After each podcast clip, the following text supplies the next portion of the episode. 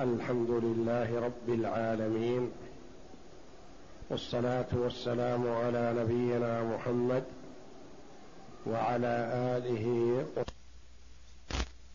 وبعد. بسم الله. بسم الله الرحمن الرحيم. قال المؤلف رحمه الله تعالى فصل ويجب تسليم السلم عند المحل. على أقل ما وصف به سليما من العيوب والغش. قول المؤلف رحمه الله تعالى فصل ويجب تسليم السلم عند المحل. هذا من فإذا أسلم في شيء يسلمه مثلا في ربيع الأول أو في رجب يجب أن يسلمه عند وقت حلوله. ولا يجوز تأخير ذلك. على أقل ما وصف به. يعني حسب الصفات على قدرها. ما تنقص عن الصفات الموصوفة ولا يلزم أن تزيد شيئا لأنها إن نقصت عن الصفات الموصوفة تضرر دافع الدراهم. وإن ألزم بدفع أكثر مما وصف تضرر البائع الذي سيدفع الثمن سيدفع الشيء المسلم فيه فيكون على قدر ما وصف أقل ما يمكن يعني ما ينقص عنه ولا يلزم أن يزيد فيه حبة يأتي على قدر الواجب سليما من العيوب والغش. قد تكون الصفات متوفرة موجودة لكن في شيء من العيب. في شيء من الغش مثلا. أحضر البر حسب ما وصف إلا أن فيه رطوبة. هذا عيب. أحضر البر حسب ما وصف إلا أن كثيرا من حباته مأخوذة ثمرتها مسحوبة. من قبل حشرات ونحوها. تنطبق عليه الصفات لكن في غش. فلا يلزم فلا يلزم المسلم أن يقبل الشيء المغشوش أو الشيء المعيب. له شيء سليم. ما يقول هذا حسب ما اتفقنا. وإن كان رطبا فيه رطوبة ماء. لا يقول ما لي أنا رطب أنا لي سليم من العيوب. سليما من العيوب والغش. نعم. فإن كان في البر قليل تراب أو دقيق تبن لا يأخذ حظا من الكيل. وجب قبوله لأنه لا ينقصه. نعم. فإن كان في البر قليل تراب أو دقيق تبن. إن كان فيه شيء يسير مما يعلق فيه عادة ليس بعيب عرض البر فيه شيء بسيط من التراب أو فيه شيء بسيط من التبن. لأن البر مأخوذ من الأرض من التراب ومشاركه التبن. فإذا كان معه شيء يسير فينظر في هذا اليسير. إن كان ينقص المقدار فلا يلزم المسلم قبوله. يقول لا أنا ما ما اشتريت منك تبن ولا اشتريت منك تراب أنا اشتريت منك بر صافي. وإن كان لا ينقص الوزن فيلزم المسلم قبوله لأنه لا يخلو منه عادة. فمثلا إذا كان مئة كيلو فيها شيء من التراب البسيط لو نقي ما طلع له زيادة وزن هذا التراب ولا ينقص البر. وكذلك التبن شيء يسير مثلا فيلزم المسلم قبول هذا الشيء. إذا كان لا هذا التراب له أثر في الوزن أو هذا التبن له أثر في الكيل. مثلا فلا يلزم المسلم قبوله يقول لا أنا ما أقبل هذا لأن هذا في عيب. نعم. وإن نقص الكيل لم يلزم قبوله. إذا نقص الكيل أو نقص الوزن فلا يلزم المسلم قبوله. المسلم هو دافع الدراهم والمسلم إليه هو الملتزم بالشيء الذي يحضره بعد أشهر أو سنة. نعم. لأنه دون حقه. لأنه وإن نقص الكيل لم يلزم قبوله لأنه دون حقه أقل من حقه. يقول أنا لي مئة كيلو من البر. وهذا يا أخي خمسة وتسعين كيلو من البر وخمسة كيلو تراب. خمسة كيلو تبن ما لي أنا هذا الشيء. فلا يلزمه قبوله لأنه دون حقه نعم. وإن أحضره بصفته وجب قبوله. وإن تضمن ضررا لأنه حقه فوجب قبوله كالوديعة. وإن أحضره بصفته وجب قبوله. وإن تضمن ضررا. إذا أحضره بصفته فيلزمه قبوله. معنى هذا أن المسلم دفع الدراهم والتزم له المسلم إليه بمئة صاع من من التمر الرطب. في شهر كذا في شهر رجب مثلا. فأحضرها في شهر رجب. فقال المسلم لا يا أخي أنا الآن الرطب هذا مثل ما تعرف يحتاج إلى ثلاجات ويحتاج إلى أيدي عاملة تتولاه ونحو ذلك. أنا ما أريدها الآن. أخره شهر.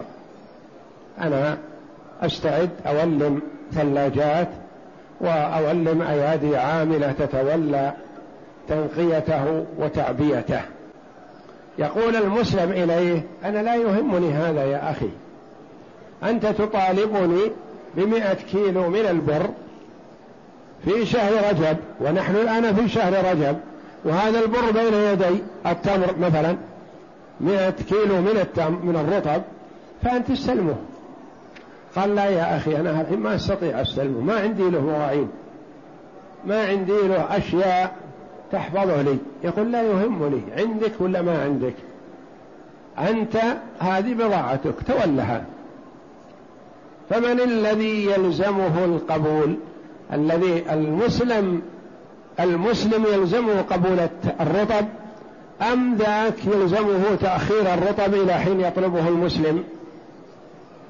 يلزم المسلم قبوله يقول أنا لا يهمني عندك ولا ما عندك؟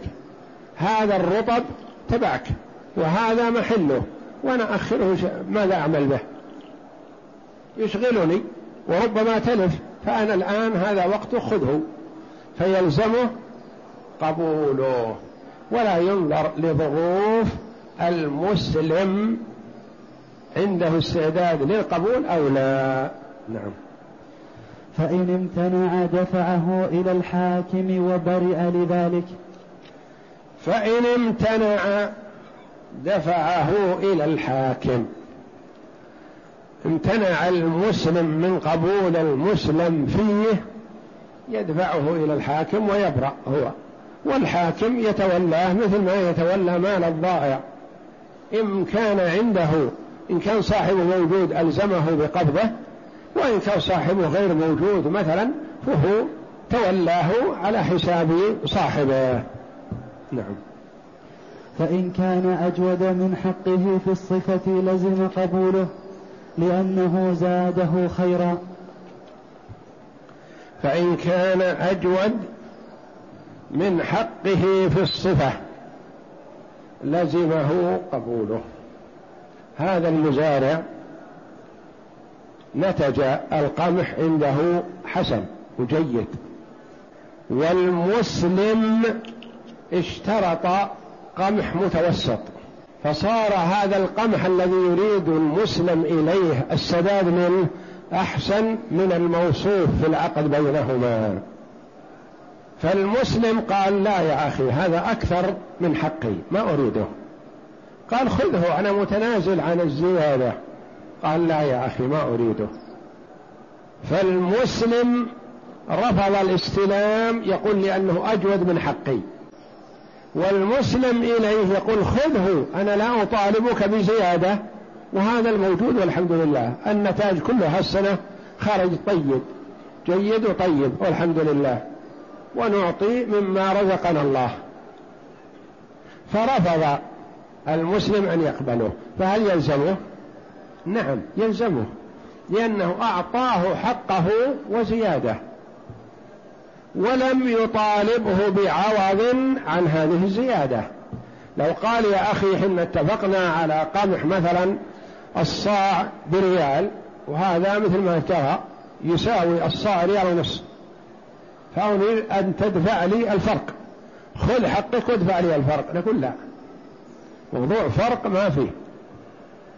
تعطيه إياه بحالة يلزم قبوله. ذاك يقول لا ما يلزمني. أنا اشتريت منه قمح متوسط وهذا قمح جيد. ما تنطبق عليها الصفة التي اتفقنا عليها.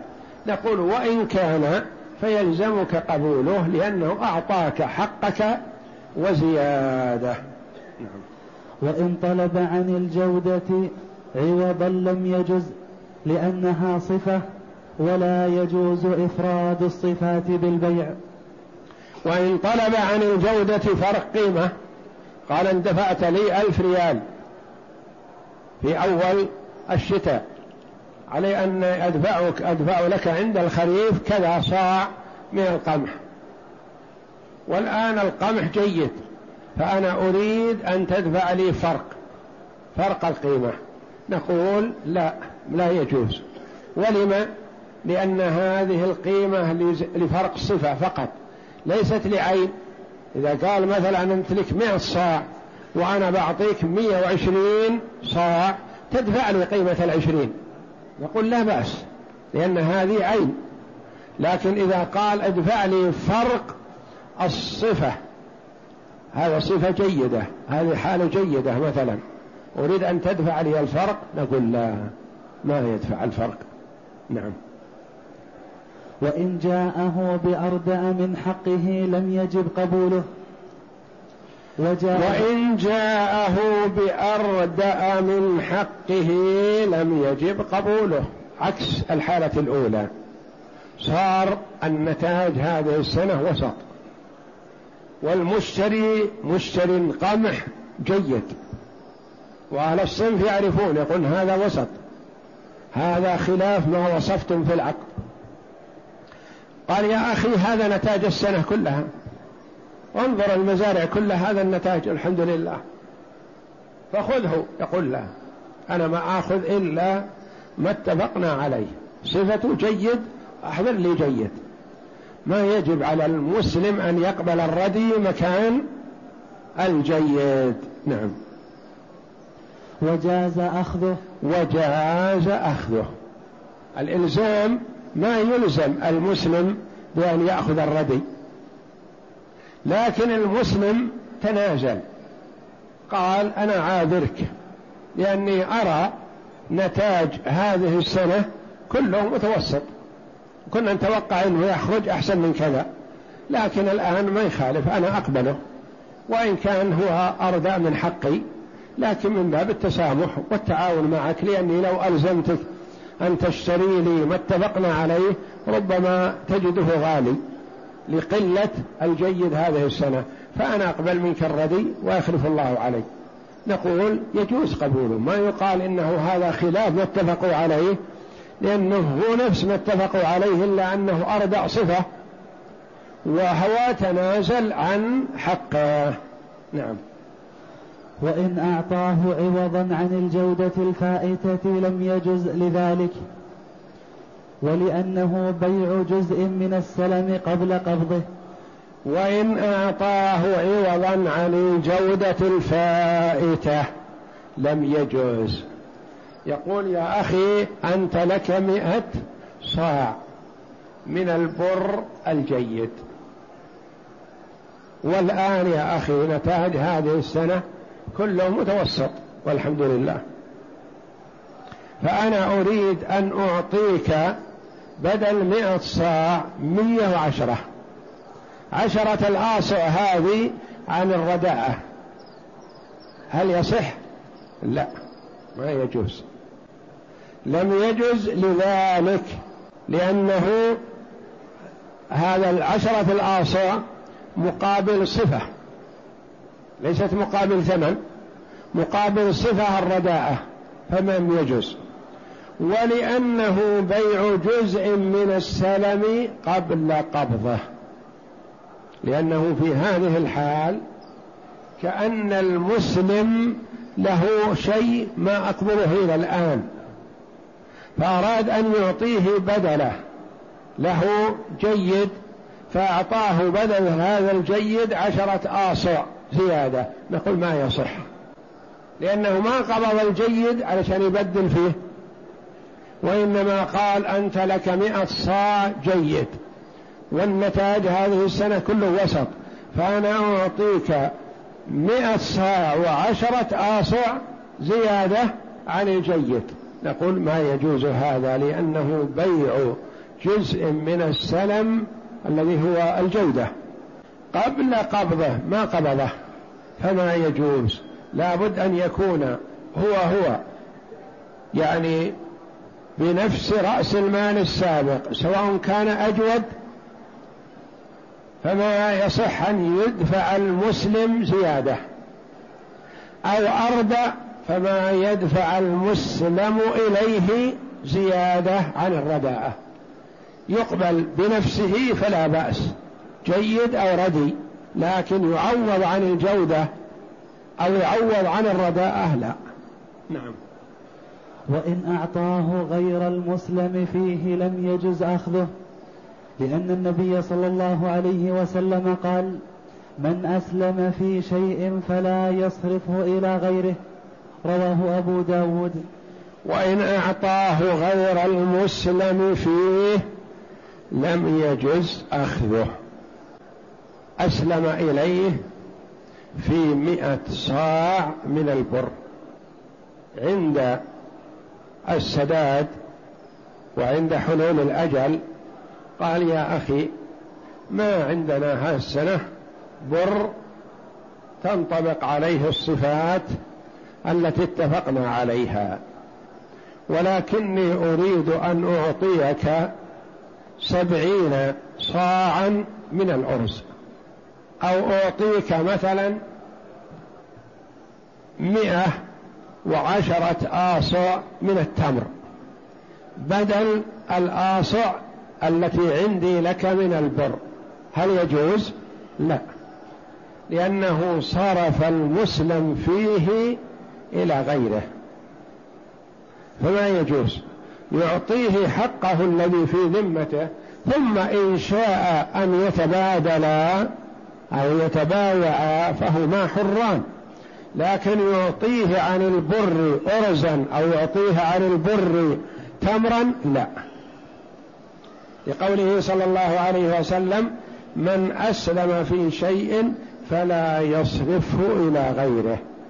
أسلم في قمح مثلا ما يجوز أن يعطيه بدله أرز ولا تمر ولا غيره. نعم. ولأنه بيع للسلم قبل قبضه. ولأنه بيع للسلم قبل قبضه يعني كأن المسلم إليه باع مئة صاع من البر بسبعين صاعا من من الأرز. وهذا ما يجوز لأنه قبل القبض. لكن لو كان قد قبض المسلم فيه وانتهى فيجوز بيع الأرز بالقمح متفاضلا لكن لا يجوز التعجيل فيه. أما هذا صنف وهذا صنف يجوز التفاضل. نعم. فلم يجز كما لو أخذنا عنه ثمنا. كما لو أخذ عنه ثمنا يقول عندي لك مئة صاع من البر وهذه السنة ما نتج عندنا بر. أبى أعطيك عن مئة الصاع ثلاثمائة ريال نحسب الصاع بثلاثة ريالات. هل يصح؟ لا. لأن هذا بيع للسلم قبل قبضه. لكن لو قبض مئة صاع البر وقال أريد أن أشتريها منك الآن صح. لأنه يشتري شيء بين أيديهما. نعم. وقال ابن أبي موسى فيه رواية أخرى في من أسلم في بر فرضي مكانه شعيرا مثل كيله جاز ولعل هذا بناء على رواية كون البر والشعير جنسا والصحيح غيرها. وقال ابن أبي موسى من أئمة الحنابلة رحمهم الله فيه رواية أخرى من أسلم في بر فرضي مكانه شعيرا مثل كيله جاز. يقول تبديل البر بالشعير في رواية عن الإمام أحمد يجوز. يقول تبديل البر بالأرز يجوز؟ يقول لا. تبديل البر بالتمر يجوز؟ قال لا. إذا لعل هذا على الرواية أن البر والشعير جنس واحد والصحيح خلاف ذلك. الصحيح أن البر جنس وأن الشعير جنس. ويختلفان ويتفاوتان. نعم. وإن أعطاه غير نوع السلم جاز قبوله ولم يلزم. وإن أعطاه غير نوع السلم جاز قبوله. كيف هذه مع الحديث السابق؟ من أسلم في شيء فلا يصرفه إلى غيره. يعني هناك أسلم في تمر فلا يصرفه إلى بر. أسلم في أرز فلا يصرفه إلى قمح. مثلا لأن هذا جنس وهذا جنس. لكن هنا الذي قال يجوز في رواية هذا النوع. اتفق واشترى منه مئة كيلو من التمر السكري مثلا. عند التسليم قال يا أخي السكري ما جاد عندنا هذه السنة. أريد أن أعطيك بدله برني أو برحي أو عجوة من تمر المدينة. قال لا بأس ما يخالف. هل يجوز هذا؟ نعم لأن هذا الجنس واحد كله جنس تمر ورطب. لكنه اختلف الجنس اختلف النوع واختلاف النوع لا يؤثر. مثل البر الآن عند أهله أصناف متعددة وكله بر. بر اللي يناسب أن يكون جريش وهو الغيمي مثلا. وبر يسمى مثلا معيه وبر يسمى حنطة وأنواع مثلا هذه كلها شيء واحد. أعطاه من هذا أو من هذا أو من هذا لا بأس. حتى لو اتفقوا على نوع من أنواع التمر مثلا وصرفه إلى آخر نوع آخر فلا بأس بهذا لأنه ما خرج عن مسمى الرطب والتمر. وإن أعطاه غير نوع السلم جاز قبوله ولم يلزم. جاز ولم يلزم. قال له يا أخي أسلمت إلي في رطب سكري. والرطب السكري ما جاد هذه السنة. وإنما أريد أن أعطيك بدل الرطب السكري أعطيك برحي. أو أعطيك برني. أو أعطيك عجوة من تمر المدينة. وأنت تعرف يا أخي أن تمر المدينة تمر عجوة غالي ونفيس عند الناس. وإن كان لا يرى في العين شيء لكنه محبب إلى النفوس. فأنا أعطيك أريد أن أعطيك عجوة. قال لا يا أخي ما أريد. أنا أريد سكري. أنا اتفقت معك على سكري أريد تعطيني سكري فقط. هل يلزم إلزام الآخر أن يقبل يقبل النوع الآخر؟ لا ما يلزم. هو أسلم في شيء يعطى إياه. لكن إذا تنازل ورضي بآخر فلا يخلو. إن رضي بنوع آخر صح. وإن رضي بجنس آخر فلا يصح حتى لو تراضيا عليه. تراضيا على أن يعطيه بدل التمر أرز. هل يصح؟ وتراضيا؟ لا ما يصح. تراضيا على أن يعطيه بدل السكري برحي. صح إذا تراضيا. لكن إذا لم يرضى المسلم قال ما أريد إلا سكري فلا يلزم لأن له ما اتفقوا عليه. ولذا قال جاز قبوله ولم يلزم. نعم.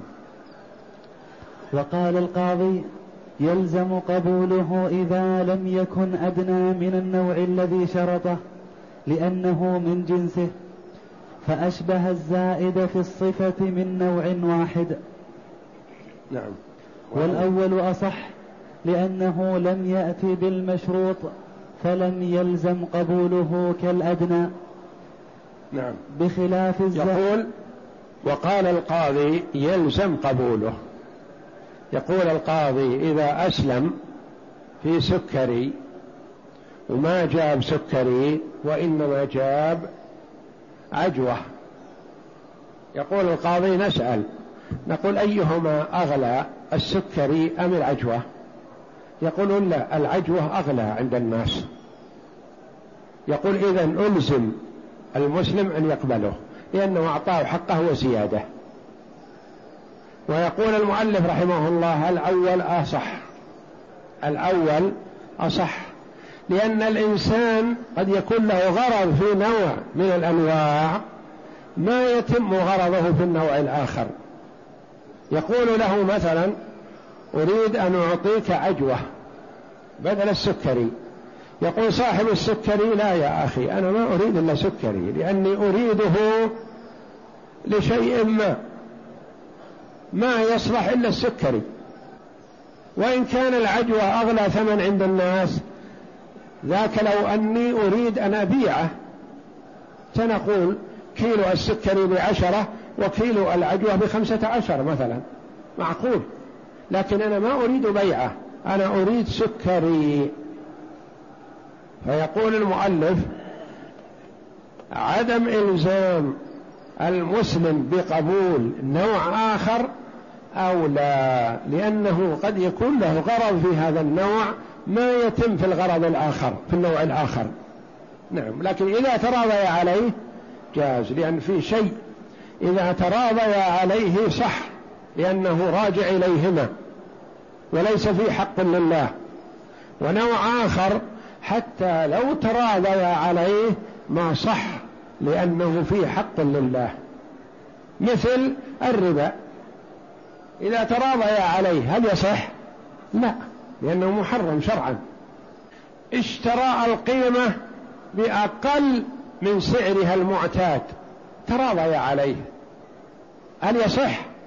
يصح يقول يا أخي هذا الكتاب أنا أبيعه على الناس بعشرة لكن أنت توسمت فيك الخير ويظهر فيك الصلاح فأنا أحب أساعدك أنا أعطيك إياه بسبعة هل يصح البيع هذا؟ نعم يصح. لكن تراضيا على ربا مثلا هل يصح؟ لا. وهو ما عندنا مثلا من النوع أو الجنس. تراضيا على جنس آخر ما صح لو تراضيا عليه. تراضيا على نوع آخر صح. فإنه أحضر فإن فإنه أحضر المشروط مع زيادة. يقول القاضي إن اختلاف النوع مثل اختلاف الصفة بزيادة. يقول المؤلف رحمه الله لا اختلاف النوع ليس كاختلاف الصفة. اختلاف الصفة هو أحضر له المطلوب وأحسن منه. هذا اختلاف في الصفة. فنلزم المسلم قبوله. يقول أنت اشتريت منه وسط. وأحضر لك جيد. تلزمك قبوله. بخلاف النوع. فالنوع لا. نقول له مثلا للآخر أنت اشتريت سكري والآن يحضر لك عجوة. يلزمك قبوله. يقول لا ما يلزمني قبوله. تعطون غير ما أسلمت فيه. أنا أعرف لو أردت عجوة أسلمت في عجوة من أول مرة. لكن أنا أريد هذا النوع. فلا يلزم فلا يلزم بقبوله بل يعطى نوعه. إلا إن رضي بهذا فلا بأس. ولأن أحد النوعين يصلح لما لا يصلح له الآخر بخلاف الصفة. ولأن أحد النوعين يصلح لما يصلح له الآخر. نعم. الأنواع نوع يصلح مثلا ونوع ما يصلح. نوع من التمر يصلح أن يعصر عصير مثلا أو يخرج منه شيء جيد مثلا ونوع آخر ما يصلح. وكذلك البر مثلا. نوع يصلح لكذا ونوع يصلح لكذا ونوع يصلح لكذا. فيقول أنا أريد النوع الذي اتفقنا عليه. لكن النوع الجيد ألا يصلح للنوع مقابل النوع الردي مثلا فيما يصلح له؟ يصلح وزيادة. إذا أسلم مثلا في رز متوسط فأحضر له رز جيد. يقال الرز هذا الجيد ما يصلح للرز الذي يصلح له الردي لا يصلح. والله أعلم وصلى الله وسلم وبارك على عبده ورسول نبينا محمد وعلى آله وصحبه أجمعين.